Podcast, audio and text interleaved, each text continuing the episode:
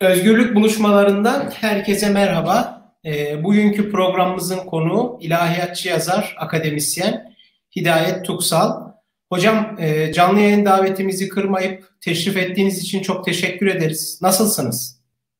İyiyim çok şükür sağ olun. Estağfurullah benim için bir e, zevk oldu korona günlerinde. E, en azından bu konuları konuşarak inşallah bir faydalı bir iş yapmış oluruz. İnşallah hocam. Tekrar sağ olun. Nasıl geçiyor hocam karantina günleriniz? Valla evde olmayı özlemişim. Çok koşturmalı bir hayatım vardı. Benim için e, biraz daha sakin, biraz daha e, çocuklarımla, e, eşimle daha çok zaman geçirebildiğim bir zaman dilimi oldu. Allah çok şükür yakın çevremizde de bir sıkıntı yaşamadığımız için şimdilik iyi yani ama tabii ki gidişat e, vesaire bir yandan da insanı endişelendiriyor. İşte e, temkinli olmaya çalışıyoruz. Anladım. Hepimiz hepimiz aynı durumdayız hocam. Umarız ki bir an önce tekrar normale döneriz. Rutinleri tekrar özgürce e, ifade icra ederiz diyelim. E, bugünkü konu hocam e, salgın günlerinde kadına şiddet konusu. Siz de özellikle bu konuyu çalışıyorsunuz. Daha doğrusu Türkiye'deki erkeklik anlayışı üzerine çalışmalarınız yoğunlukta. Kadınla karşıt söylemin İslam geleneğindeki e, iz düşümlerini de, değil mi? Kitabınızın ismi de buydu galiba yanlış hatırlamıyorsam. Kadın karşıtı geleneğin evet. İslam geleneğindeki evet. tarihi iz düşümü.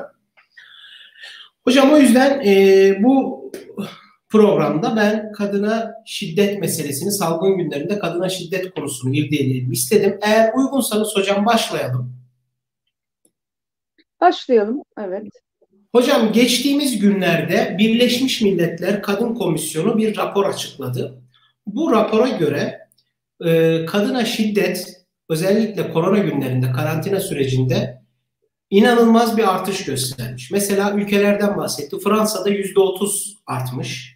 Arjantin'de sanırım notlarım arasında almıştım. Arjantin'de %25 artmış. Singapur'da %33 artmış. Kıbrıs, Güney Kıbrıs'ta %30 artmış.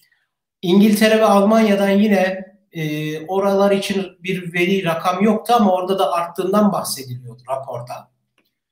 Ve e, evet, Birleşmiş Milletler maalesef Birleşmiş Milletler raporuna ek olarak Türkiye'de de Sosyopolitik Araştırmalar Merkezi korona günlerinde kadına şiddetin %27,5 arttığını söyledi. Şimdi Birleşmiş Milletler kadına şiddetle mücadele için korona günlerinde Birleşmiş Milletler Kadın Komisyonu belli başlı önerilerde bulunmuş. Bunlardan bir tanesi özellikle e, kadınların direkt nakit yoluyla kadınlara nakit para verilmesi. Çünkü bazı kadınların e, gayri resmi ekonomide yani iş gücüne resmi iş gücü değil de gayri resmi iş gücünde çalıştıklarını ve dolayısıyla maddi kayıba uğradıklarından bahsetmiş. İkinci olarak kadına karşı olan bu şiddetin farkındalığının, kadına şiddetin farkındalığının arttırılması için medya kuruluşlarıyla temasa geçilmesini önermiş. Sivil toplum kuruluşlarında yine farkındalığını arttırması gerektiğinden bahsetmiş. Bunun üzerine bazı ülkelerde özel önlemler almış. Mesela Kanada 50 milyon dolarlık bir fon ayırmış. Fransa sığınma evlerinden sığınma evlerinin kapasitesinin full olduğunu söyleyerek birkaç otelle anlaşmış. Şimdi şöyle ben size bir soru sormak istiyorum. Bu salgın günlerinde kadına karşı olan şiddetin sadece Türkiye'de değil, tüm dünyada artmasının sebepleri ya da sebebi en önemli sebebi sizce nedir? Bir de Türkiye'de salgın paketin içine kadın meselesinin dahil edilmemesi, mesela farklı ülkelerde İspanya'da, Fransa'da, Almanya'da kadın konusunda da müstakil bir başlık açmışlar. Türkiye'de sanırım benim bildiğim kadarıyla böyle bir başlık yok. Sadece Aile ve Sosyal Politikalar Bakanlığı alo şiddet hattının faaliyette olduğunu söyledi. Türkiye'nin böyle bir başlık açmamasını nasıl değerlendiriyorsunuz? Girizgahta size iki soru sorsam. E, büyük bir eksiklik olarak değerlendiriyorum aslında Aile Bakanlığı meselenin farkında. Yani hem kendi sığınma evleri sebebiyle farkında hem de e, bakan çeşitli açılardan eleştirilse bile bu anlamda farkındalığı olan bir insan. Dolayısıyla e, farkındalıkta sıkıntı yok fakat e, koronanın yönetimi konusunda belki sıkıntı var. Yani e, bakana ne kadar söz düşüyor bilmiyoruz. E, yani birçok konu yukarıdan alındığı için ve e, sosyal bilimciler mesela şunu eleştirdiler. Evet bir sağlık bilim kurulu kuruldu ama bu sadece sağlıkla e, ilgili bir konu değil. Birçok toplumsal mevzu meseleyle de alakalı bir konu. E, neden bir sosyal bilimcilerden oluş, oluşan bir bilim kurulu kurulmadı? Belki öyle bir bilim kurulu kurulmuş olsaydı bu mevzu orada gündeme gelecekti ama sağlıkçıların e, yani bir sürü işi var şu anda. Yani bu daha doğrusu özel ilgi alanları olmadığı için e, bu konuyu muhtemelen kendi onlar gündemine almadılar. Ama e, eğer disiplinler arası bir şey oluşmuş olsaydı e, bu konu kesinlikle gündeme gelirdi. Çünkü bu beklenen bir şeydi. Yani bu zaten bizim e, hani bitirdiğimiz bir sorun değil ki. Bu sürekli kanayan bir yara. Dolayısıyla bu bir eksiklik. E, bu eksikliğin farkına varıldığını da çok zannetmiyorum farkına varılan bir konu var. Mesela o konuda da başarı sağlayamadık. E, evsizler, e, ben Şefkatler'in çalışmalarını yakından takip ediyorum. E, bu mev, mevzu başladığında hmm, Şefkatler'in kapısı polisler tarafından sürekli çalınmaya başlandı. Niye? E, götürecek başka bir yer bulamadıkları için evsizleri Şefkatler'e getiriyorlar. Devletin çünkü hiçbir kurumu e, evsizler için yani belediyeler de dahil buna çözüm üretmiyordu. E, neyse bir genelge yayınlandı. Valiliklere gönderildi, kaymakamlıklara gönderildi ve bu genelgeyle kaymakamlıkları başvuran evsizlerin devlet misafirhanelerine veya orada yer yoksa e, bir pansiyon, otel bir şey tutularak oraya yerleştirilmesine dair şey çıktı. Genelge çıktı. Fakat inanın şu anda hiçbir uygulaması yok. Çünkü bir kere bunu evsizler ne kadar duydu? Duyup da e, kaymakamlığa yönlendirilmiş evsizler kaymakamlıkların kapılarından içeri giremiyorlar. Güvenlik görevlileri içeri girmelerine izin vermiyormuş veya 2-3 kişi girebiliyormuş vesaire. Dolayısıyla yani kanuni düzenlemesi yapıldığı halde mesela bu şu anda bu uygulanmıyor. E, bunun gibi ama kadın meselesinde hiçbir düzenleme yapılmadı yani bu zam, e, şey olağanüstü günler için hiçbir düzenleme yapılmadı ne yazık yani siz özellikle şunu vurguluyorsunuz. Keşke bilim kurulunun içine sosyologlardan, psikologlardan, siyaset e, bilimcilerden biraz daha bunun sadece tıp çalışan e, akademisyenlerle, bilim adamlarıyla, bilim insanlarıyla sınırlandırılmayıp daha sosyal bilimlerde açılması gerektiğini düşünüyorsunuz. Öyle bir tartışma da yakın dönemde açıldı ama hocam. Ekleyelim, bilim kurulunu genişletelim diye yanlış hatırlamıyorsam. E çünkü e, sosyologlar, benim takip ettiğim sosyologlar e, özellikle bu geçen 10 Nisan e, meselesinde yani sokağa çıkma yasağının duyuruluş biçiminin e, sıkıntılı olması sebebiyle hep e, işte bir sürü Twitter'da falan gördüm. Yani işte sosyologlar olsaydı bilim kurulunda. Gerçi bilim kurulunun da bu sokağa çıkma yasağından haberi yokmuş. O da ayrı bir şey ama yani zaten mesele bu. Yani e, bu süreç e, kimler tarafından yönetiliyor? İnisiyatif kimde? E, yani Cumhurbaşkanı e, ne kadar e, bilim kurulu önerilerini e, dikkate alıyor. Yani bunları da bilmiyoruz. E, çok açık şeffaf bir süreç yok. Bilim kurulundan bazı hocaların açıklamalarıyla bir şeyleri öğreniyoruz. O yüzden o dönemde tabii ki sosyal bilimciler dediler ki yani bu kurulda biz de olsaydık bu hata yapılmazdı dediler mesela. Ama ben o kadar emin değilim işte maalesef sürecin yönetim tarzı sebebiyle. Anladım, anladım hocam. Hocam bir diğer sorum da şöyle olacak. Şimdi ben Birleşmiş Milletler'in Birleşmiş Milletler Kadın Komisyonu raporunu okuyunca şöyle bir cümlenin altını çizdim orada. Şey diyordu. Sivil toplum kuruluşları ve medyayla temasa geçerek farkındalığı arttırmamız gerekiyor kadına şiddetin. Şimdi Türkiye özelinde baktığımız zaman gerçekten bu konuda sivil toplum kuruluşlarının iyi çalışmaları var. Farkındalığı arttırmak için bir şeyler yapıyorlar. Ama e, kadına şiddet meselesi bırakın azalmayı artarak devam ediyor. Yani farkındalık artıyor ama vakalar azalmıyor hocam. Sizce bunun sebebi ya da sebepleri nelerdir? Yani farkındalığın artması da galiba bir çözüm olmuyor. Yani burada şunu demek istemiyorum. Hiç farkındalık olmasın gibi bir öyle bir de, şey demek istemiyorum ama bir taraftan da vakaların artış hızı var. Evet, e, burada tabii vakaların artış hızında e, vakaların e, kayda geçmesinin bir artış hızı da var. Yani geçmiş dönemde şiddet daha az değildi ama kadınlar e, şiddetle nasıl baş edeceklerini bilmiyorlardı. bu farkındalık aslında kadınların e, daha çok sahiplendiği bir farkındalık oldu. Ve e, karakollara, işte hukukçulara, kadın derneklerine müracaat etmeyi e, öğrendikleri için, yani bu bilgi onlara ulaştığı için e, kayıtlara geçen vaka sayısı artmış oldu. Aslında buna rağmen ben kayıtlara geçmeyen pek çok vaka olduğunu da düşünüyorum. Yani izlediğimiz, evet yani kadın derneklerinin e, takip ettiği e, çeşitli şeyler var. Dolayısıyla e, burada sorun şu, yani şiddet üreten erkeklik e, biçimi, yani ben buna bataklık diyorum.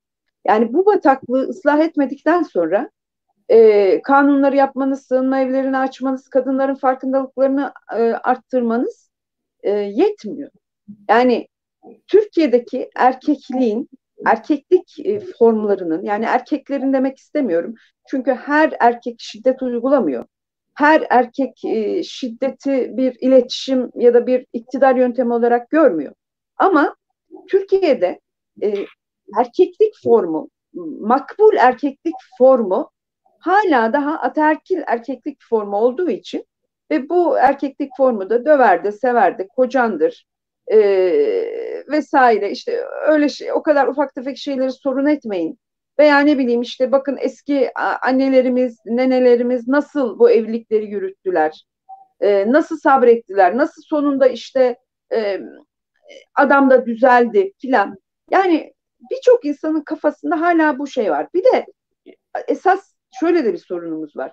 Şimdi kadın bakanlığı aile bakanlığı oldu. Niye? İşte biz aile sistemine hala sürdüren bir ülke olarak e, aile sistemine sahip çıkıyoruz. Tamam aile sistemine sahip çıkalım. Fakat e, aile sistemine sahip çıkmak aile içindeki e, yaşanan yani şöyle diyelim aile içindeki sorunları üstünü e, örtmek demek mi olmalı? Yani e, şunun propagandası yapılıyor. Bizde aile güçlüdür. Bizde aile şöyledir. Bizde aile böyledir. Bu propaganda yapılınca hatta özür dilerim. E, Batı'yla kıyaslamada da hep bizde aile mefhumunun çok daha güçlü olduğundan bahsedilerek bir Batı eleştirisi de yapılır.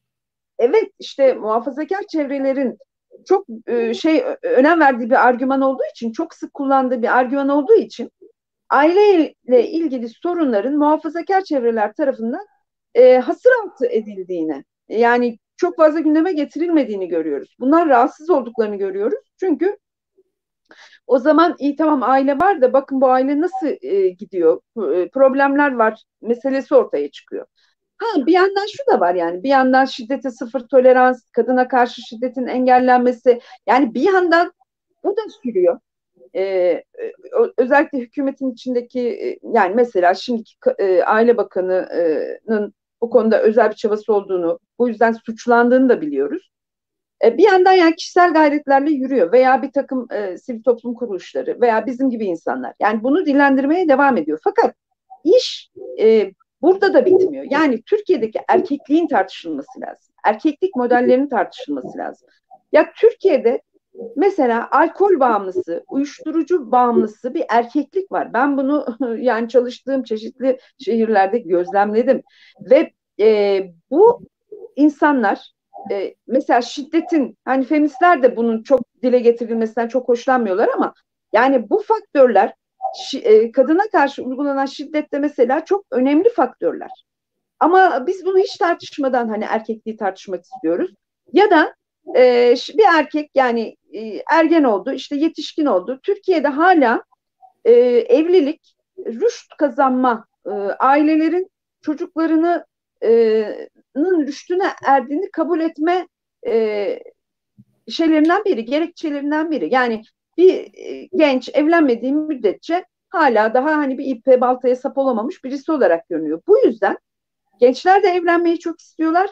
Aileler de çocuklarını evlendirmeyi çok meraklı. Tamam bu iş oluyor fakat sonra ne oluyor? İşte orası orada şey yok. Yani orada e, sorunları çözecek mekanizmalar yok. E, orada e, kadının o genç kocanın artık ne tür alışkanlıkları varsa e, bu alışkanlıklardan da kaynaklanan bir sürü şeyle o kocanın insafına bırakılmış durumda. Ne kızın ailesi sahip çıkabiliyor cesaret edip ne e, kocanın ailesi zaten e, erkeğin kusurlarını konuşmak istemiyor.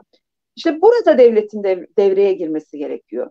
Yani bu evlilikler yapılırken niye mesela bu tür bağımlılıklar hiç problem olarak görülmüyor?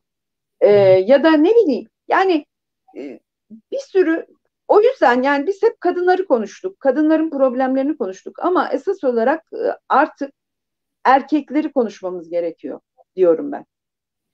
Hocam bu noktada tam bir şey söylemek istiyorum size. Daha doğrusu sormak istiyorum. Biliyorsunuz muhafazakar anlayışta daha doğrusu muhafazakar erkek egemen kültürde şöyle bir şey vardır. İşte bu kadın konusu ne zaman gündeme gelse ya olur mu öyle şey? Kadınlar Allah'ın bize emanetidir.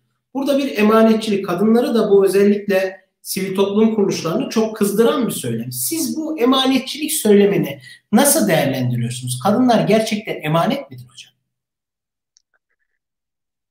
Yani eğer bu emanet söylemi bir şeye kılıf olarak kullanılmamış olsaydı, yani yapılan kötülüklerin üstünü örten, üstünü örten bir halı olarak kullanılmamış olsaydı, gerçek manada e, emanet bilincine sahip olsaydı insanlar aslında iyi bir söylem dindar insanlar için. Ha, dinle iş olmayan insanlar için tabii ki böyle söylemlere ihtiyaç yok. Ama e, emanet ne demek? Yani size bir komşu çocuğunu bıraksa siz ne yaparsınız? Onun kılına zarar gelmesin, aman yedireyim, içireyim, karnı Hı-hı. aç kalmasın, aman benden hoşnut olsun, e, şikayet etmesin diye bakarsınız değil mi? Yani e, kendi çocuğunuza göstermediğiniz özeni ona gösterirsiniz. Niye? Emanet. Şimdi burada eğer bu emanet şuuru, emanet olma şuuru bizde böyle işlemiş olsaydı, yani erkekler eşlerine veya kadınlar da eşlerine yani çünkü karşılıklı bir emanetlik söz konusu. Aman bunun kılına zarar gelmesin, aman üzmeyeyim, aman elimden geleni yapayım diye özel bir emanet ihtimamı gösteriyor olsaydı bu söylem işe yarayan bir söylem olabilirdi ve biz bunu kullanırdık zaten. Ama bu bunun için değil. Üstünü kapatmak, konuşmamak, yok saymak için kullanılan bir söylem. Ee, onun için e, karşı çıkıyoruz. Yoksa emanet olmak kötü bir şey değil. Ha, şuradan eleştirilebilir. Yani kadınların kocalarına emanet olması e, aynı zamanda o ataerkil e, vesayeti de tanıyan bir şey e, oluyor bir anlamda. Fakat şunu da görmemiz lazım. Yani ataerkinin ataerkillik yok olmuş değil. Bazı kadınlar bundan şikayetçi de değil. E, dolayısıyla hani ben feminist söylemin e, şu noktasında mesela burada feminist söyleme de bir eleştiri getiriyorum. Yani e, her kadını kurtarmak, kendi kur, kendi biçimimizde bir yaşam şekline büründürerek kurtarmak hakkına ve şeyine sahip değiliz. Yani öyle yaşamak isteyen kadın öyle yaşayabilir. Fakat öyle yaşarken sorun yaşıyorsa biz orada ancak o soruna çözüm üretmek için müdahil olabiliriz. Dolayısıyla yani bu söylem e, hakkıyla kullanılmadığı için karşı çıkıyorum. Bir. E, ikincisi e, bu kadınları güçlenmesini engelleyen bir şeye de dönüşüyor. Yani o zaten o kocasına emanet güçlenmesine gerek yok. Ama işte e, kadının güçlü olmayışı e, kadına büyük bir fatura çıkartabiliyor hayatının çeşitli noktalarında. Dolayısıyla hani bir yandan kadını güçlendirirken ama bir yandan işte ne kadar güçlendirirseniz güçlendirin ya. Yani erkekler adam olmadıkça bu ülkede biz bu sorunları yaşamaya devam edeceğiz. Ve işin garibi bu mevzu sanki sadece kadınların mevzusuymuş gibi bu işle ilgilenen erkek yok. Yani erkeklerin de buna bir el atması gerekiyor. Çünkü kendileri de o işten geçiyorlar. Türkiye'deki erkeklik biçimlerini görüyorlar. Zaten yani erkek Türkiye'deki hegemonik erkeklik sadece kadınları ezen bir şey değil ki. Ben görüyorum yani erkek çocuklar büyürken, yetişirken ne kadar çok şiddete maruz kalıyorlar. Ee, te, o şiddetin içinde terbiye ola ola e, yetişiyorlar. Yani bu terbiye olma ne?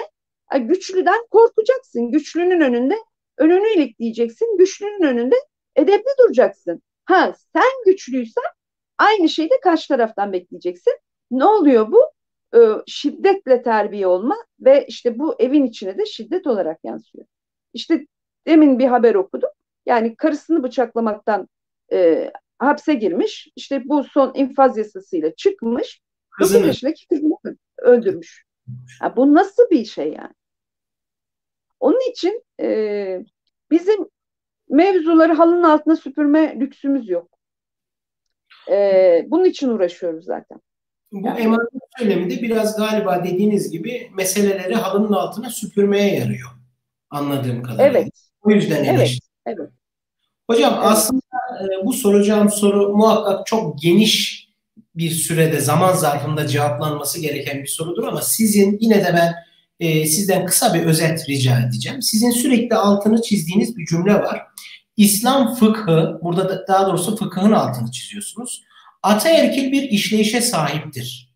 Yani sürekli bunu vurguluyorsunuz katıldığınız programlarda, verdiğiniz demeçlerde. Ben buradan şunu sormak istiyorum.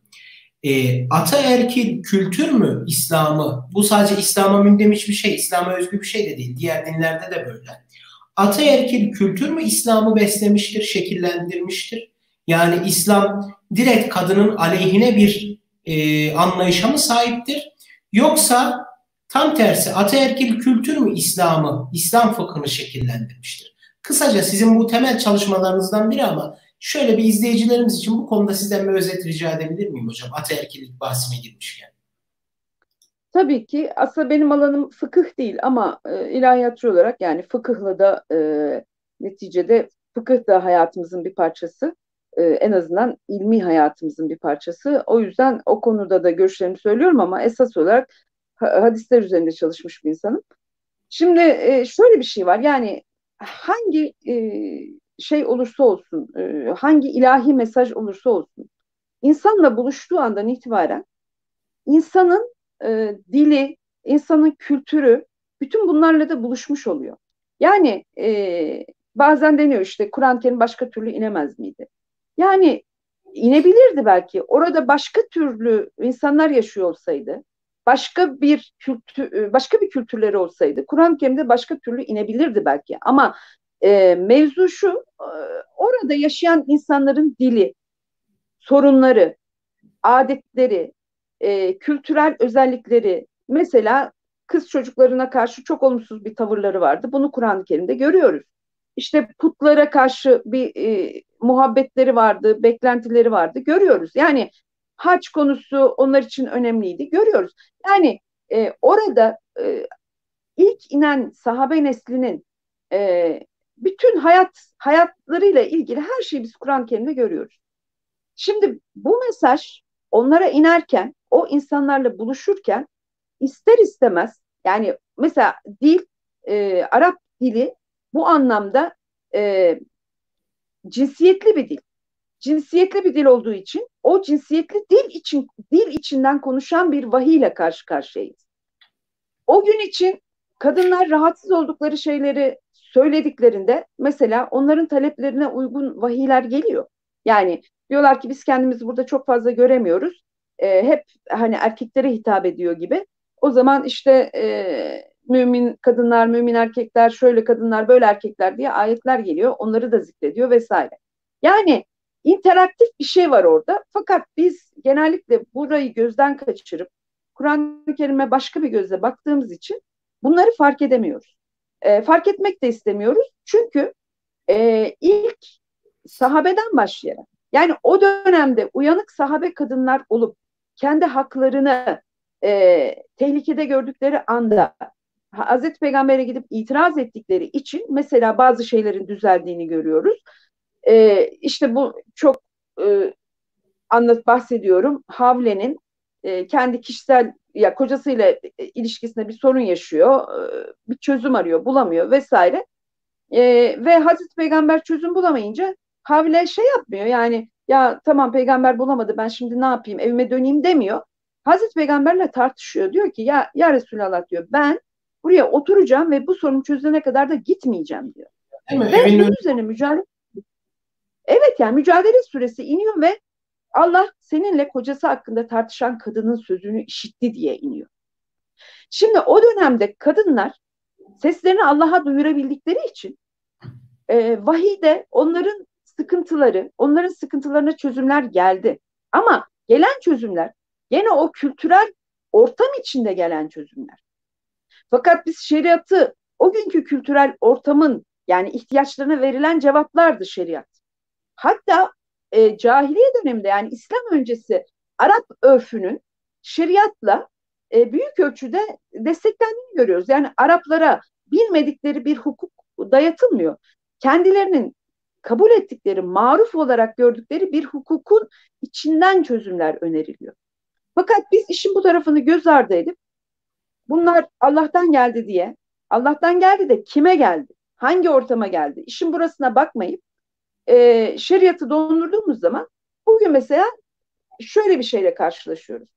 Kadınlar boşanmak istediğinde kıyamet kopuyor. Bu kadınlar azdılar, bu kadınlar güçlendiler, artık kocalarını beğenmiyorlar. Vay efendim aile çatır diyor, işte siz kadınlara şu hakları verdiniz, aileler çatır diyor falan filan diye. Çok büyük bir problem olarak bunu konuşuyoruz. Peki erkekler boşanmak istediğinde ne oluyor?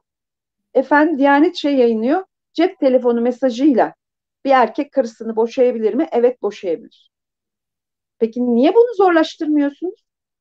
Niye erkeklerin dille boşama, yani bununla nasıl evlendiler bu kadınlar? E, resmi makamların önünde resmi nikahla veya imam nikahı, dini nikahla evlendiyse bile şahitlerin huzurunda evlendi değil mi? Niye erkeklerin keyfi e, ben seni boşuyorum dediği zaman kadını boş sayan o eski anlayışı niye hala sürdürüyorsunuz? Madem aileye e, bu kadar düşkünsünüz, boşanmaya bu kadar karşısınız, niye erkeklerin boşanma haklarını e, hala 1500 sene önceki e, uygulamayı sürdürüyorsunuz, devam ediyorsunuz? Burada tıs yok. Neredeyse talak denilen değil mi? Talağa cevaz veriyor. Evet, evet, evet. Yani geçmiş dönemde çünkü bakıyoruz, sahabenin kendi arasındaki evliliklere de bakıyoruz. Yani orada e, bir erkeğin evlenmesi de çok kolay, boşaması da çok kolay.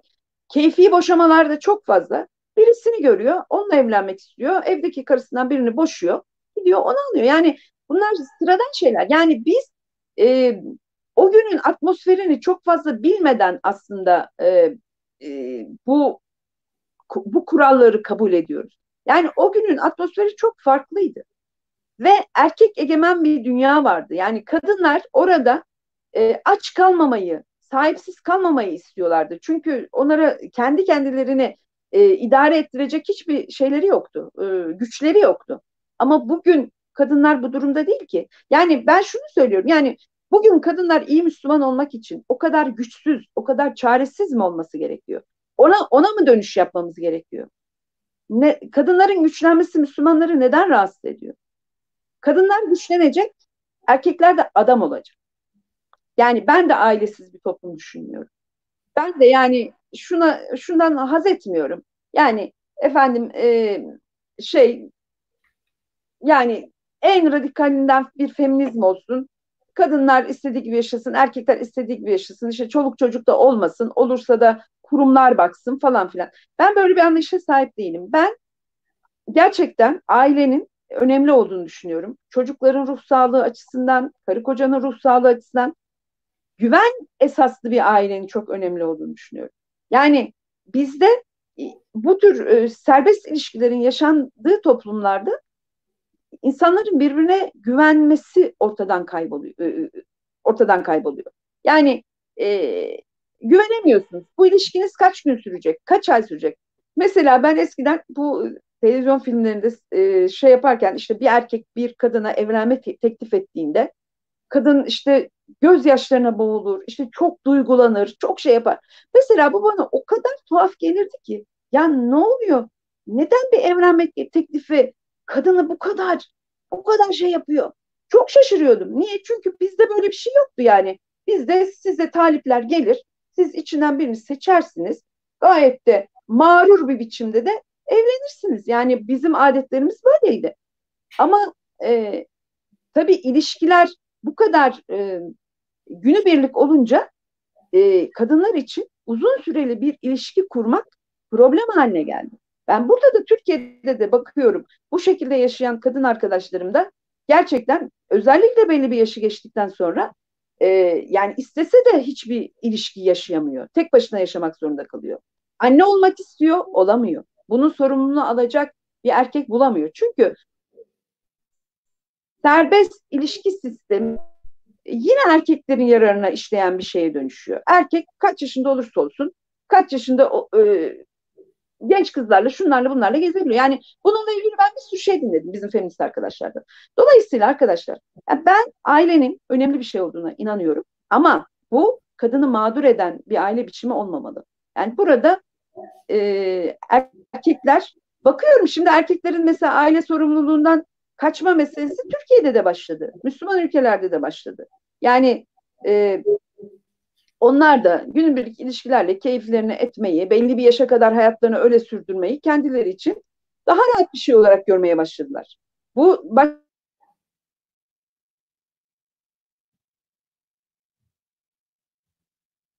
Sanırım yayınımız dondu.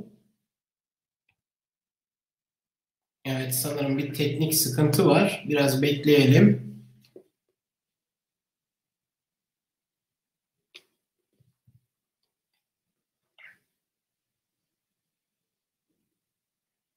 Biraz bekleyelim. Birazdan sohbetimize devam edeceğiz.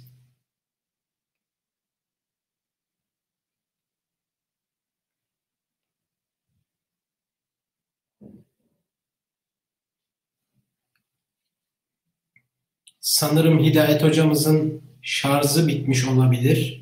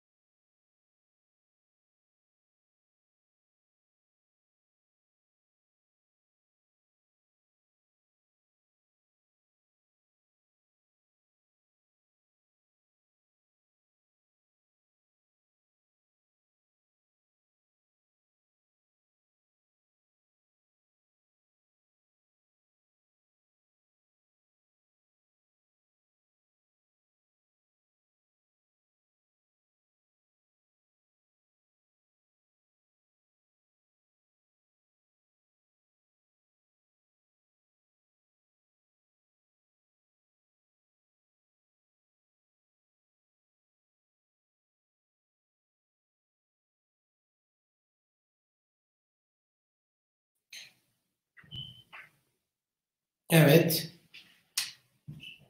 Sesimi ve görüntümü alabiliyor musunuz?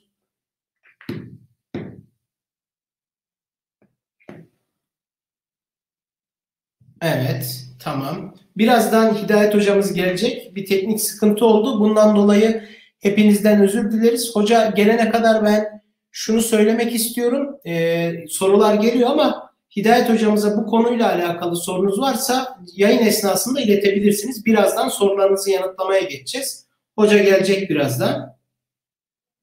Kusura bakmayın bu teknik aksaklık için. Bazen oluyor. Evet sorular gelmeye başladı. Birazdan hoca gelince tekrar bağlanacağız. Şu an beni duyabiliyor musunuz? Evet ses ve görüntü varmış. En son Ceren Hanım'la Zübeyde Hanım bir soru sormuş. Bunları birazdan değerlendireceğiz. Kadına şiddet konusunu.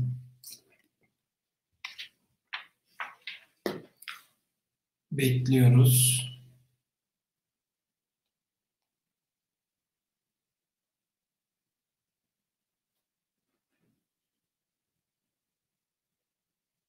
Ses ve görüntü varmış. Güzel. Merhaba evet. tekrar. Evet. Tekrar merhabalar. Vallahi kusura bakmayın ne oldu bilmiyorum ama. Estağfurullah, estağfurullah hocam. Bazen oluyor böyle. Hocam buyurun. Kaldığımız yerden devam edelim. Bu arada izleyicilerimizden sorular da geliyor. Bir iki benim sorumdan sonra o soruları yanıtlamaya geçelim arzu ederseniz. Buyurun hocam.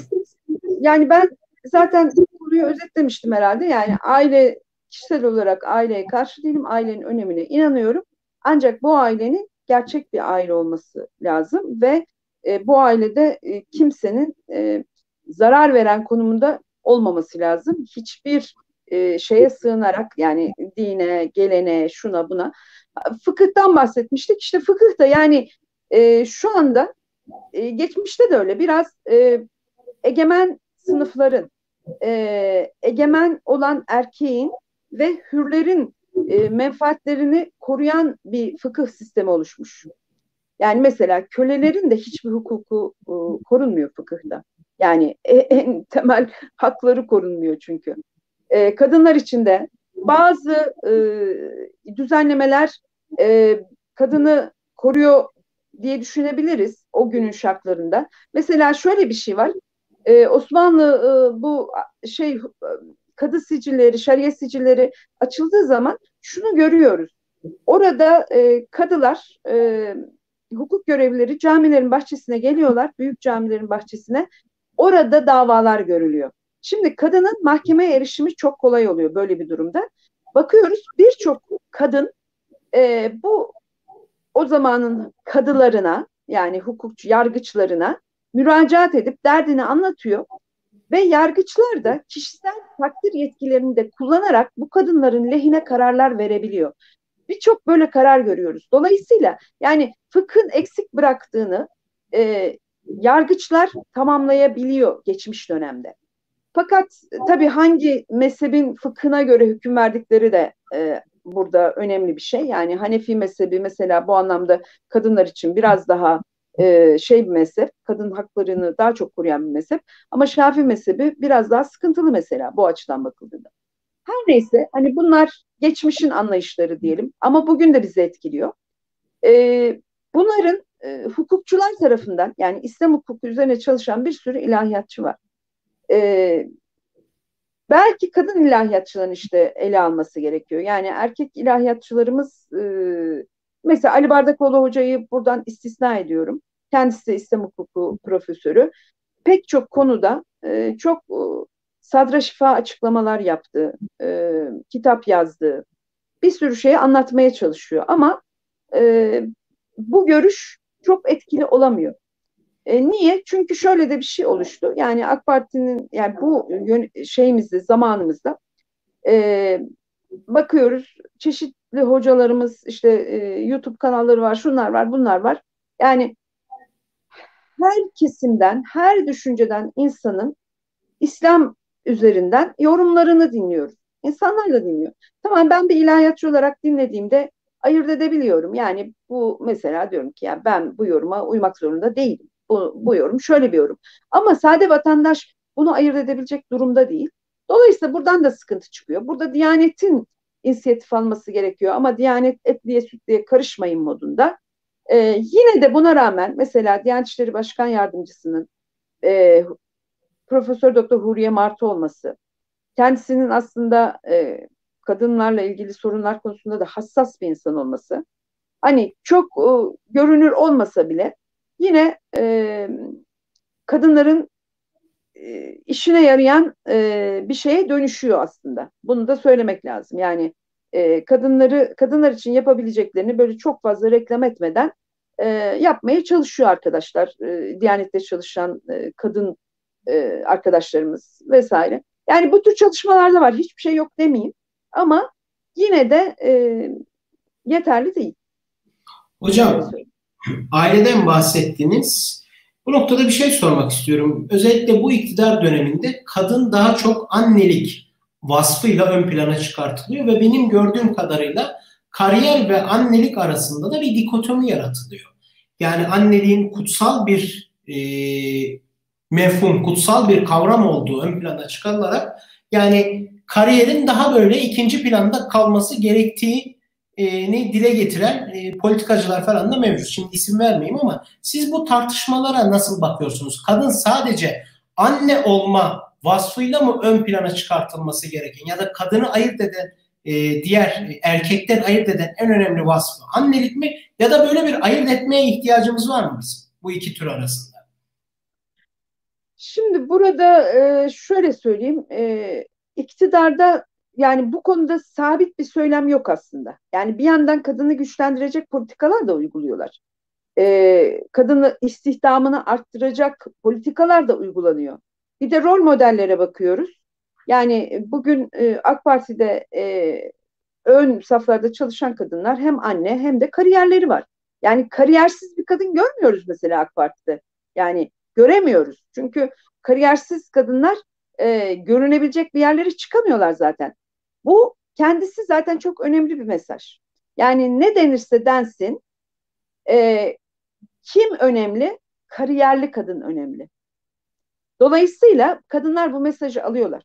Ne denirse densin. Yani kim milletvekili oluyor? Kim e, bürokrat oluyor? Kim bakan oluyor? Kariyeri olan kadın oluyor. Dolayısıyla kadınlar şey yapmıyorlar. Yani o annelik e, e, kariyer ikinci planda meselesinin e, bu, bir de bu çok sık kullanılan bir söylem değil ama bu e, iktidar elitlerinden ziyade e, geleneksel görüşleri savunan e, hocalar tarafından daha çok savunulan bir şey, bir görüş. E, iktidar belki şuradan mesela şu tür açıklamaları olmuştur. İşte efendim yani kadınlar istihdam alanını boşaltırsa erkek işsizliği azalır. İşte kadınlar da çocuklarına bakar. Ha, buradan biraz sıcak bakıyor olabilirler. Ee, bakanlar vardır. Fakat e, şunu söyleyeyim yani benim tanıdığım kadarıyla e, parti içinde yani herkesin kızı okuyor. Herkesin kızının mesleği var. Yani böyle bir şeyin pratiği yok. Söylemde olsa bile kesinlikle pratiği yok. O yüzden insanlar da bunu görüyorlar. Dolayısıyla şu anda elinden gelen herkes bir, bir iki cemaat hariç yani kızların okumasına karşı olan bir iki cemaat hariç dini çevrelerde de kız çocukları okuyor, okutuluyor, meslek sahibi oluyor ve çalışıyorlar. O yüzden bu söylemin etkisinin olduğunu düşünmüyorum. Ha, kadınları şeye düşürme konusunda. Bu kadınlar için bir suçlama e, vesilesi olabiliyor tabii. İşte e, anneliğini yapmayıp işte kariyer peşinde koşmak gibi. E, ben de şöyle söylüyorum. Ya üniversiteyi bitirmiş bir erkek çalışmasa, hiçbir şey yapmasa, evde otursa, evde temizlik yapsın, bulaşık yapsın ve bebek baksın. Bunu e, kaç kişi normal bir şey olarak kabul edebilir? Var böyle bir iki tane arkadaşımın çocuğu evet çalışmak istemedi hem de çok iyi okulları bitirdikten sonra e, şey yaptılar. Yani böyle bir hayatı tercih ettiler. Herkes bunlara deli gözüyle bak. Yani bu çocuklar kafayı yemiş, işlerini yapmıyorlar, evde oturuyorlar. Peki şimdi aynı eğitim, eğitimi almış bir kadından bunu nasıl bekliyorsunuz? Ha zaten onun için deniyor ki mesela işte efendim bir e, şey kurdu arkadaşlar. Efendim işte Boğaziçi'ni falan bitiren kızlar işte hiç e, annelik e, şey ev kadınlığı pratikleri yokmuş. İşte biz bir okul açalım. Bunlar buraya gelsinler. Nasıl kadın olunur, nasıl anne olunur bunu öğretelim filan diye. Bu tür bir eksiklik gördüler. E, halbuki şu var yani annelik biçimleri de e, çok zamanı ve şartlara göre değişiyor. Mesela kimse şunu sorgulamıyor. Benim e, köyde büyümüş e, arkadaşlarım var. E, kendi annelerini ne kadar gördüler acaba bu çocuklar yetişirken? Şunu söylüyordu yani kendi arkadaşım çocukların ağzına e, yemeğimizi veriyorduk. Kokumuz kokusu kokumuzu oradan alıp beklesinler diye çocukları eve kapatıyorduk. Tarlaya gidiyorduk. Öğleden sonra geliyorduk. Yani o öğleden sonra geldikten sonra da hayvanlar, yemek işi şu bu. Yani, yani geleneksel kadınlıkta anlatıldığı kadar efsaneleştirildiği efsaneleştirildiği kadar bir ilgilenme yok çocuklarla. Ya, hayır ilgilenemez ki. Ha ancak şehirde e, bir apartman dairesinde büyüdülerse anne çocuklarla daha çok e, şey yapıyor. Ha, şimdi televizyon çıktığından beri çocuklar zaten anneler te, çocukları televizyona emanet ediyorlar çoğunlukla. Bu tartışılıyor. Yani şunu demek istiyorum. Annelik e, biçimleri de değişiyor. E, ha e, belki şu e, bu e, psikologların yeni şeyleri var. Bağlanma teorileri, sağlıklı bağlanma meselesi filan. Yani ben şundan yana da değilim. Bir kadın e, kariyeri olsa bile diyelim ki iki sene çocuğuna bakmak istiyor. Üç sene çocuğunu büyütmek istiyor. Bakıyorum mesela e, feminist çevrelerde bu tür yani bunlar böyle gereksiz e, fedakarlıklar olarak görülüyor. Ben buna da karşı çıkıyorum. Bir kadın çocuğunu üç sene beş sene büyütmek istiyorsa tabii ki büyütecek yani. Kariyer e, o kadının kendi karar vereceği bir şey o anlamda. E, bu anla e, çocukların sağlıklı yetişmesiyle ilgili teoriler de önemli. Ama öyle bir şeye dönüştü ki şu anda annelik çocuğunuzun her şeyinden siz sorumlusunuz ya. Okul başarısından, e, başarısızlığından, arkadaş ilişkisinden. Yani bu kadar yük bence e, eskiden annelerde yoktu. Şu anda daha büyük bir yük var kadınların üzerinde. E, bunun altında da eziliyorlar. Kötü annelik suçlamalarının altında da eziliyorlar. Yani bunların daha sağlıklı, daha objektif e, konuşulması lazım diye düşünüyorum. Anladım hocam. Hocam dilerseniz e, sorularımıza geçelim. İzleyici sorularımıza. Sorularımızı alabiliriz. Fikriye Kaşıkçı sormuş. Tevhid inançlarında kadın hep ikinci planda yer alıyor ve dinlerde yasaklar, kurallar genelde kadına yoğunlaşıyor. Artık bu söylemlerin yasaklanması ve ağır cezalar alması gerekmez mi? Ee, yani yasak Türkiye'de e, Cumhuriyet'le birlikte böyle bir yasakçı söylem e, ta 1960'lara kadar uygulandı. Yani sosyalist mesela Rusya'ya bakıyorum. E, Rusya sosyalist bir cumhuriyetti. Rusya'da yapılanların, Rusya'daki e, şeyin, e, sistemin bir benzeri Türkiye'de yapıldı. Türkiye sosyalist olmamasına rağmen. Peki ne oldu sonuç? Yani yasaklarla nereye gittik? Yani bu tür şeyler yasaklanınca ortadan mı kalkıyor? Yoksa kendisine başka yollar mı buluyor? Yasaklamak kolay yani. Çok kolay bir şey yasaklamak. Yani kolay da kendimizi kandırıyoruz yasaklayınca. Dolayısıyla yasakçı zihniyete hiçbir zaman taraftar değilim. Özgür, alternatif düşüncelerin üretilebildiği özgür bir ortamın olması lazım. Mesela şu anda da nasıl bir sistem var? Şu anda da siz e, alternatiflerin sesinin kısıldığı bir sistem var. Tamam tamamen konuşmuyor değilsiniz. Biz burada konuşuyoruz mesela. Ama bizim sesimiz kaç kişiye ulaşıyor? Veya daha e, radikal bir söylemim olsa ne kadar konuşabileceğim? Yani e, eğer e, bir şeylerin düzelmesini, değişmesini istiyorsak insanlara seçme özgürlüğü tanımamız lazım. Yani feminist olmak istemeyen bir kadını zorla feminizme mecbur etmek de doğru bir şey değil. Veya ne bileyim e, evinde çocuklarıyla yaşamak isteyen, para dışarıda çalışmak istemeyen bir kadına illa çalışacaksın demek de doğru değil. Onun için şunu yapmamız gerekiyor. Seçenekleri çoğaltmamız gerekiyor. Dini konuda işte bu geleneksel görüşleri savunanlar var. Bunları savunmayanlar, bunlara alternatif üretenlerin sesinin de çoğalması gerekiyor. Bunu yaptığımız zaman ve insanlara seçme hakkı bıraktığımız zaman bence vazifemizi yapmış oluruz. Yasaklamakla dini alternatif ses çıkaranların da tekfir edilmemesi de çok önemli burada. Yani biliyorsunuz direkt böyle ötekileştiriliyor. Şimdi o... önemli de e, tarih boyunca tekfirci cemaatler hep olmuş. Yani bunun da olmamasına imkan yok. Yani Hazreti Bey ilk hariciler işte e, sahabe döneminde ilk tef, tekfirci grup onlar.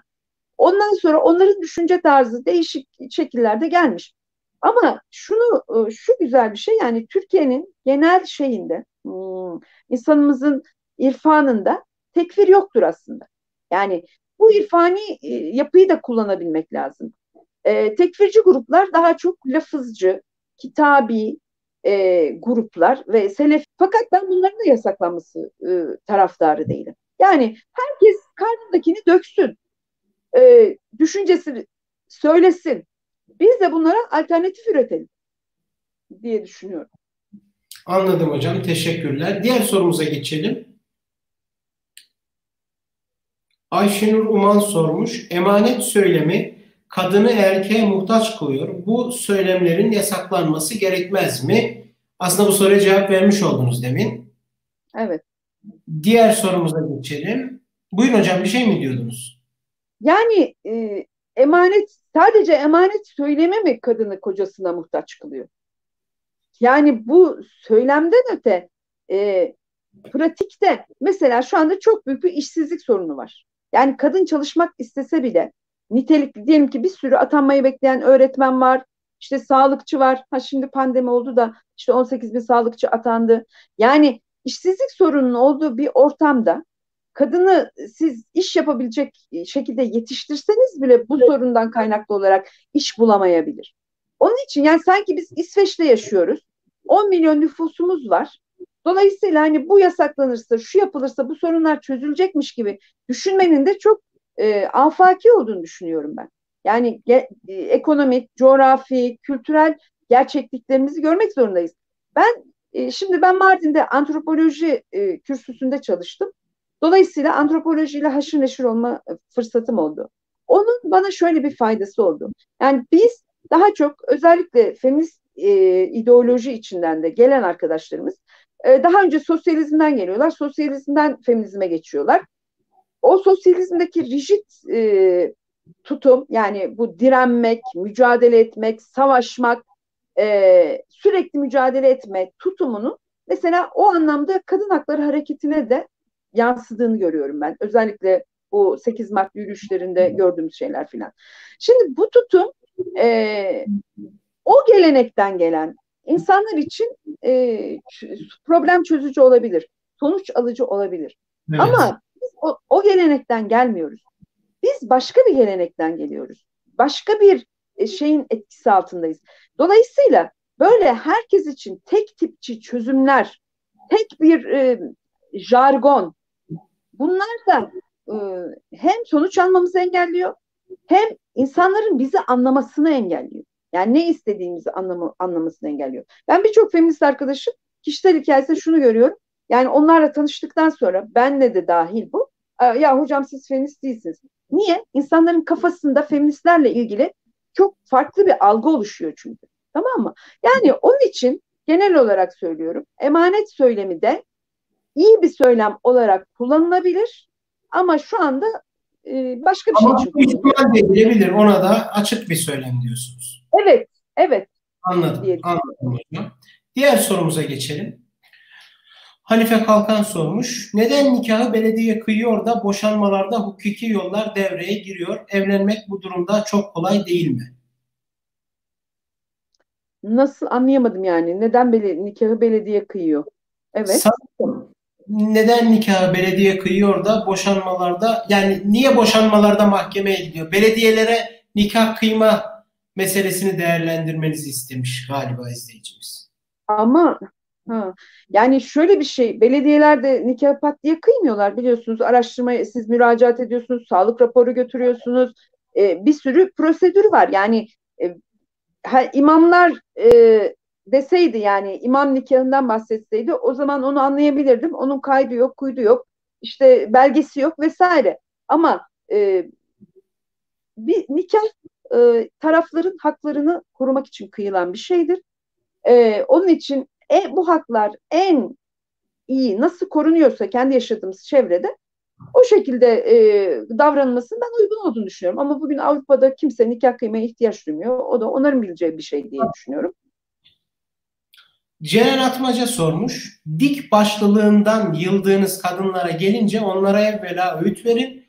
Vazgeçmezlerse yatakta yalnız bırakın ve bunlarla da yola gelmezlerse onları hafifçe dövün. Ayeti bizi nasıl etkiliyor? Bu gibi ayetler kadına kadınlar arasında eşimdir katlanayım Allah cefa çekeni mükafatlandırır gibi yorumlara sebep oluyor. Böyle cümleler duyuyoruz. Nasıl değerlendiriyorsunuz demiş. Şimdi bu ayetin e, bu şekilde tercümesi konusunda e, bir sürü tartışma var.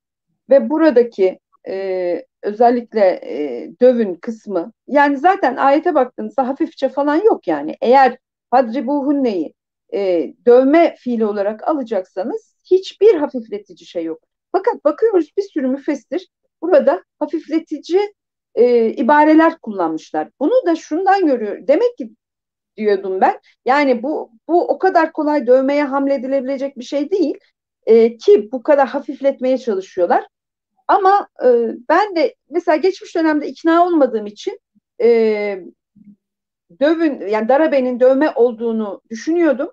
Fakat e, bu yapılan araştırmaları okuduktan sonra darabenin dövmek değil, ayrılmak, uzaklaşmak, ayrılmak yani tamam artık olmuyor bırak bırakın bu işin peşini e, anlamına geldiğine ben de ikna oldum. İkna olduğum için şu anda ayeti öyle okumuyorum. E, ve e, ayetin şu, şu ortamda indiğini düşünmemiz lazım e, bu ortamda kadınların kocalarından başka e, ekonomik olarak onları geçindiren kimsenin olmadığı bir ortamda iniyor bu ayet. Ve bu bu ortamda boşanmak istemeyen taraf kadınlar. Yani sahip, e, bo, boşanarak bu güvenlik e, çemberinden dışarı çıkmak istemiyorlar. Hatta Kur'an-ı Kerim'de boş... Efendim? Evlilik o dönemde çok daha büyük bir güvence. Evlilik, bir eşe sahip olmak kadın açısından. Evet. E, ve bu yüzden mesela e, boşanma ile ilgili bir ayette şöyle diyor. Yani fakirlik korkusuyla diyor boşanmaktan çekiniyorsanız çekinmeyin boşanın. Allah sizi fazlından zengin eder. Yani genişletir rızkınızı. Yani kadın, boşanmaktan korkan kim o dönemde? Kadınlar. Hani bir şeyler çekiyor, boşanmak istemiyor, aç kalırım diye korkuyor. Böyle bir teşvik bile var Kur'an-ı Kerim'de. Yani bu açlık korkusuyla boşanmaktan kaçınıyorsanız hani kaçınmayın Allah size bir yol açar anlamına geliyor. Şimdi böyle bir ortamda inen bir ayetten bahsediyoruz. Hani siz bu ortamı e, tabii şöyle de bir şey var yani Müslümanların çoğu da bu ortamlara bakmıyor. Bu ayetin niye geldiğine, ne getirdiğine bakmıyor. Sanki bu ayetler bugün de inse aynı şekilde inecekmiş gibi bir duyguyla bakıldığı için biz habire oradaki şeyi çözmeye çalışıyoruz. Bugün kadınlar değişti, kadınların konumları değişti, hakları değişti, hukuk değişti. Dolayısıyla buraya takılmanıza gerek yok. Ha, buraya takılan Müslümanları da işte başka türlü de düşünebilecekleri konusunda ikna etmeye çalışıyoruz. Anladım hocam. Diğer soruya geçelim. Zübeyde Hanım sormuş. Zübeyde Ozan Özü. Kadına şiddet konusu her durumda önemli bir sorun. Salgın sürecinde evde olmak bir sağlık tedbiri olarak zorunlu iken dezavantajlı gruplar kendilerine şiddet uygulamalarla bir arada şiddet uygulayanlarla bir arada yaşanmaya zorlanıyor.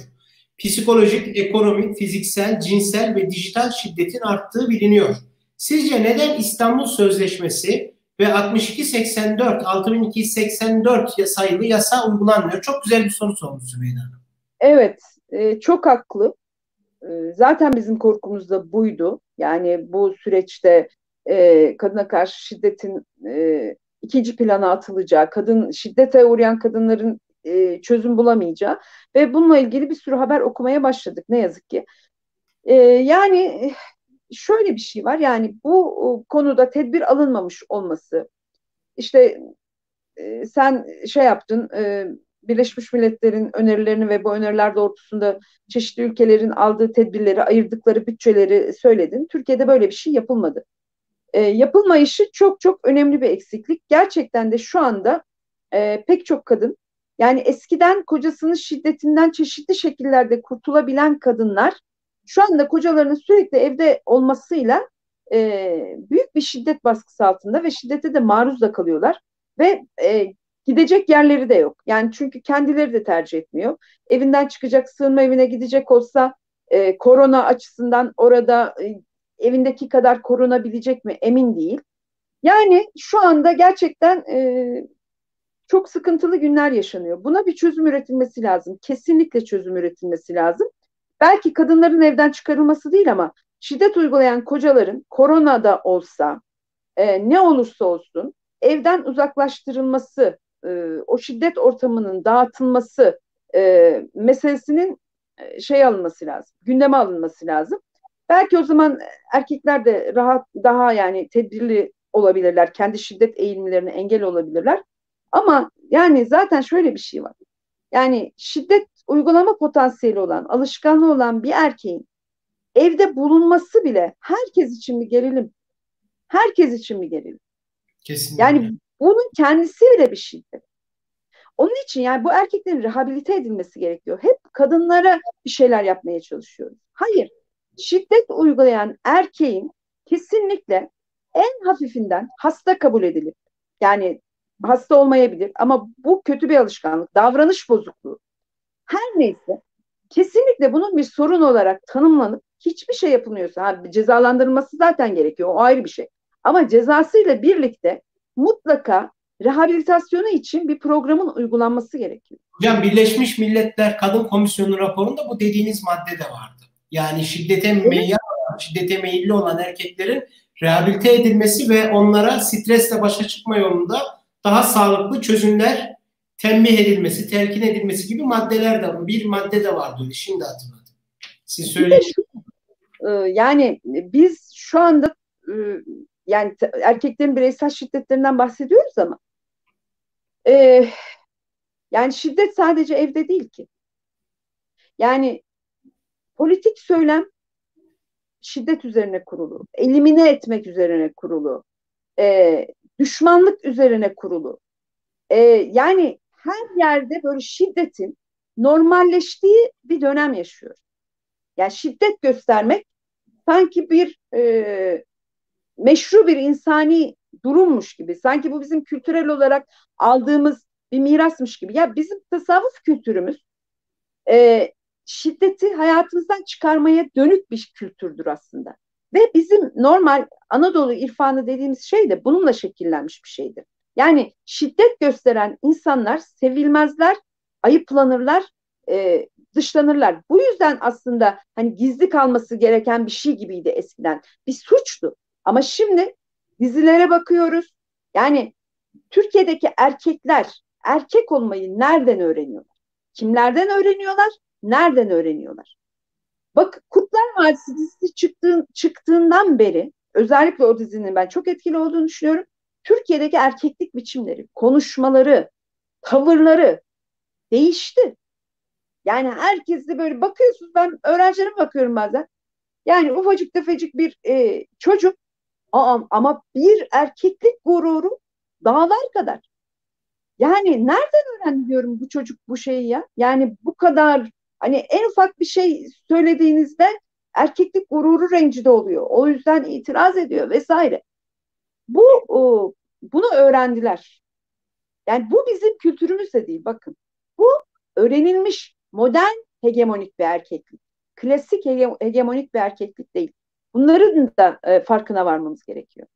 Onun için e, kesinlikle erkeklerle, erkeklerimizle yani bunlar bizim çocuklarımız, kocalarımız. Yani ben erkeklere düşmanlık söylemini de e, benimsemiyorum. Yani bu da yanlış bir şey. Mesela işte her gün erkek, bugün erkekler şu kadar kadını öldürdü. Bu söylemi de yanlış buluyorum.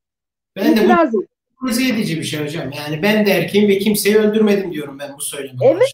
Yani bu yerine ulaşan bir şey değil yani. Bu her erkeği suçlayarak yani ee, erkek ifadesi de öyle bence. Erkeklik terörü dense daha doğru olur diye düşünüyorum.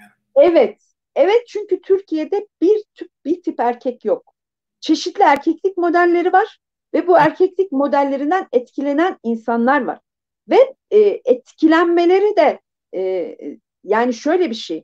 E, bunlar e, bunu ayırt edebilecek yaşlı değilken küçüklükten itibaren bunlara maruz kalıyorlar. Dolayısıyla bizim önce bu erkeklik kültürünü üreten kaynaklarla uğraşmamız gerekiyor. Siz düzgün erkeklik modelleri ürettiğinizde o erkeklik modelleri şey yapılacak. Ya eski Türk filmlerine bakıyorum mesela. Orada diyelim ki bıçkın erkek bile küfür etmiyor mesela. Yani bu turist Ömer e, şeyleri Allah rahmet eylesin.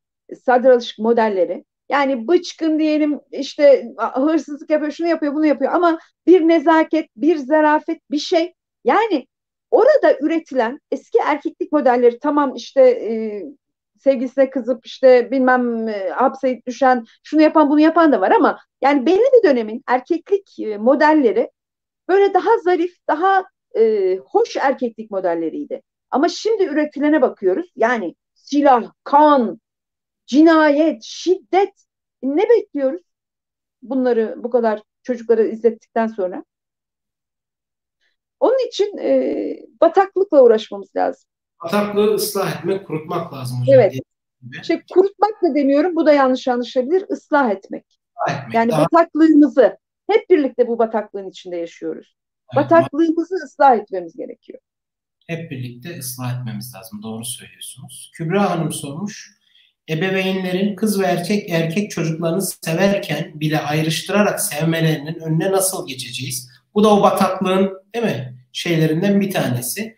Erkek çocuğun her şeyi yapmaya izni varken kız çocukları ne yapsa ayıp oluyor. Demiş izleyicimiz. Evet, e, maalesef e, yani bunun geçmişe göre azaldığını düşünüyorum. E, ama yine de e, bu erkeklik e, böyle gurur verici, önemli bir şey olmaya devam ettiği müddetçe. Yani bir erkek hakikaten gurur verici bir şeyler yapar. E, çok iyi bir insandır, çok düzgün bir insandır. Tabii ki bu insanı el üstünde tutarsınız. Ama hiçbir şey yapmadan, sadece erkek olduğu için bir insanın önemli ve gurura hak sahibi olması bizim zaten e, eleştirdiğimiz bu hegemonik erkekliğin, yanlış erkekliğin en önemli göstergelerinden biri. Bunu da anneler, babalar e, bu anlayışı sürdürdükçe devam ediyor. E, bu iş devam ediyor. Biraz şöyle bir şey var. Erkekliği e, şöyle erkek yetiştirmeyi, erkeği pohpohlamak, cesaretlendirmek. Yani erkek hayatta çok şeylerle karşılaşacak. Biz onu hem biraz ezelim, e, şiddete karşı şey yapmayı öğrensin, e, dayanıklı olmayı öğrensin. Ama hem de erkeklik üzerinden sorumluluk yükleyelim ve pohpohlayalım. E, erkekliği bir gurur olarak kabul etsin. Şimdi böyle yetişiyor. E, böyle yetiştirdiğimiz zaman bu anlayış devam ediyor. Anneler babalar yani ben şehirde bunun çok fazla kaldığını zannetmiyorum ama geleneksel çevrelerde sürüyor. Bu kızlara haksızlık, sadece haksızlık değil, e, dinen de günah olduğunu düşünüyorum. Yani çocuklar arasında ayrım yapmanın günah olduğunu düşünüyorum. Fakat e, kız erkek çocuklara izin verilenlerle kız çocuklara izin verilenler meselesinde e, mesela gece geç saatte dışarıda olma meselesi. E, yani ben e, kadınlar için e, tehlikeli olanla erkekler için tehlikeli olan arasında Türkiye'de yani yurt dışına demiyorum. Türkiye'de hala fark var. Yani bu işlenen bir sürü cinayetten de bunları görüyoruz. Ailelerin bu konuda biraz daha kız çocukları konusunda temkinli olmalarını anlayabiliyorum. Yani burada esip savurmayacağım. Yani eve istedikleri saatte gelsinler bilmem ne. Erkek çocuk için de aslında e, kurallar konabilir. Konuyor da zaten. Ama e, kız çocuklar için daha fazla tehlike olduğunu yaşananlardan görüyoruz. O yüzden e, biraz bu konularda ha e, makul istekler konusunda e, engeller konulması, sen kızsın diye engeller konulmasına karşı çıkıyorum. Ama e, biraz daha erkek çocuklara göre tedbirli ve temkinli davranılmasını e, anlayabiliyorum. Yani bunu da söylemek istiyorum. Anladım hocam. Diğer sorumuza geçelim. Muhteşem Bey sormuş. Sanırım meselelerin temelinde nazil olan indirilmiş dine değil de bazı çevrelerin belki otorite ve menfaatlerini korumak adına dikte ettikleri uydurulmuş dine mi inanıyoruz? Hocam bu konuda ne der demiş. Ya şimdi bu indirilmiş din, uydurulmuş din e, tanımlamaları e, tamam yani yapıldı, edildi. Fakat e, şöyle bir gerçeklik var. E, yani insanlar, e, herkes Kur'an-ı Kerim'i ya da İslami kaynakları oturup da e, kendileri tetkik edebilecek durumda değiller.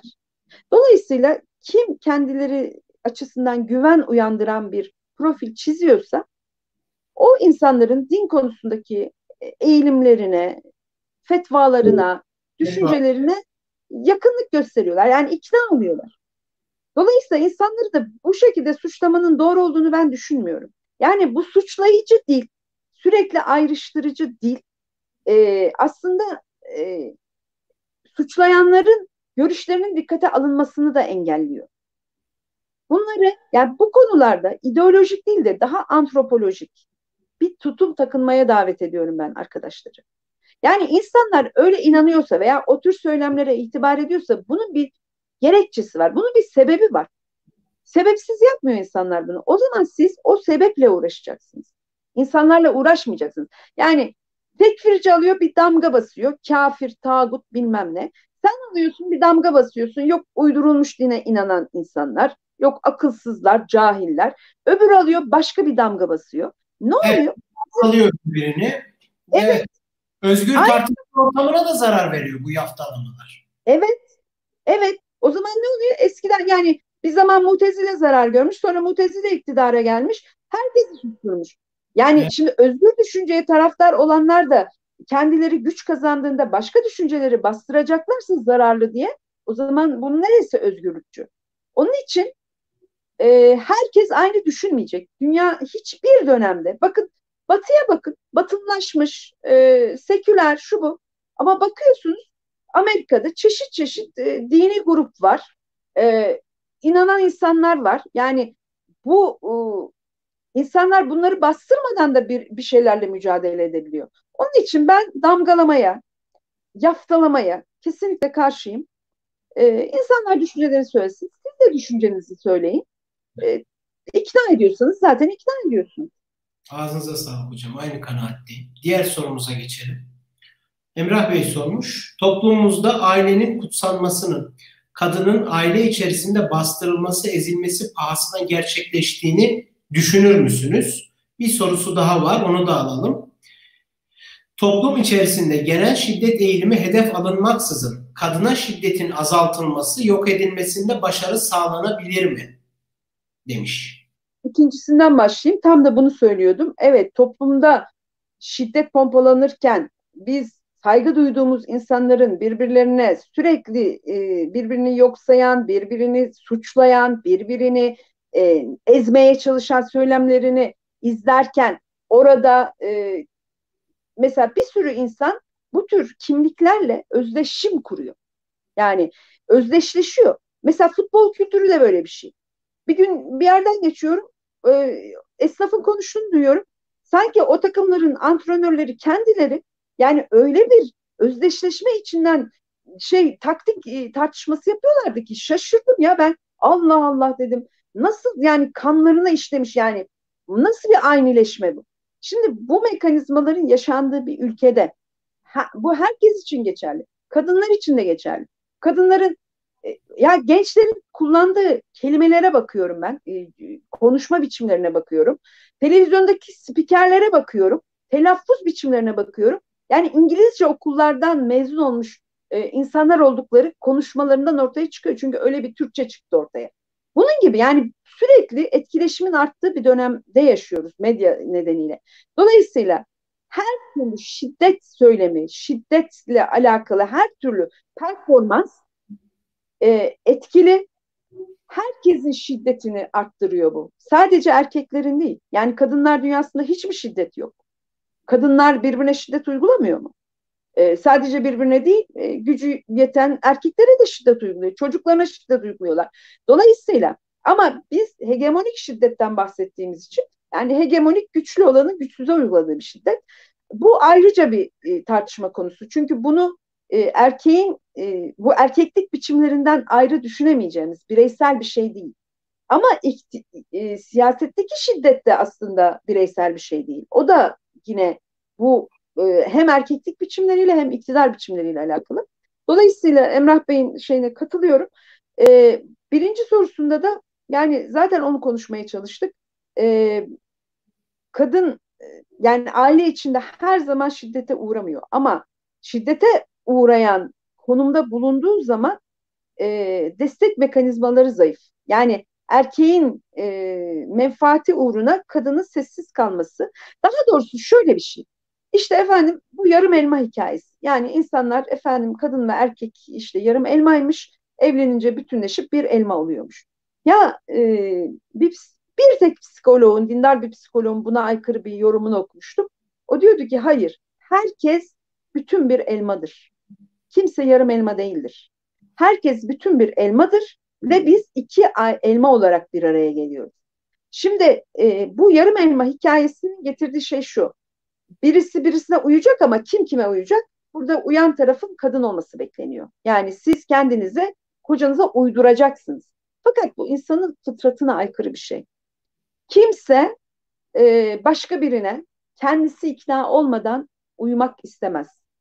Bunun barışçıl bir ortamda ikna olarak e, geli, e, oluşması gerekir.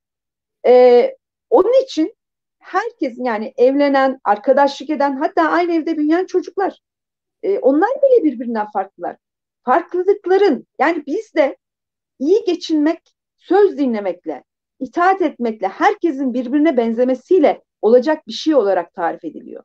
Hayır bu bir tarafı memnun ederken öbür tarafı hasta eden, hasta eden e, ve bu psikolojik rahatsızlıklara sürükleyen bir şey. Onun için Burada psikologların e, konuşması gerekiyor. Yani Türkiye'deki psikologların da ben çok fazla konuşmadığını düşünüyorum ya da biz duymuyoruz. E, normal iki insan arasındaki iletişim kuralları neyse evdeki iletişim kurallarının da böyle olması lazım. Yani sen sokakta kızdığın adamı dövebiliyor musun? Hayır. E, bir iki laf söylüyorsun dönüp gidiyorsun. Peki evde karını niye dövüyorsun? E, çünkü bunun cezası yok. İşte bunun için yani bu tür şeylerin gerçekten mesele edilip gerçekten e, çözümler aranıp yani bunun çöz mesela kadın örgütleri daha çok hukuki çözümlerle uğraşıyor. Çünkü güçleri oraya yetiyor. Yani daha fazlasına yetmiyor. Kaç kişi götürüyor kadın örgütlerini?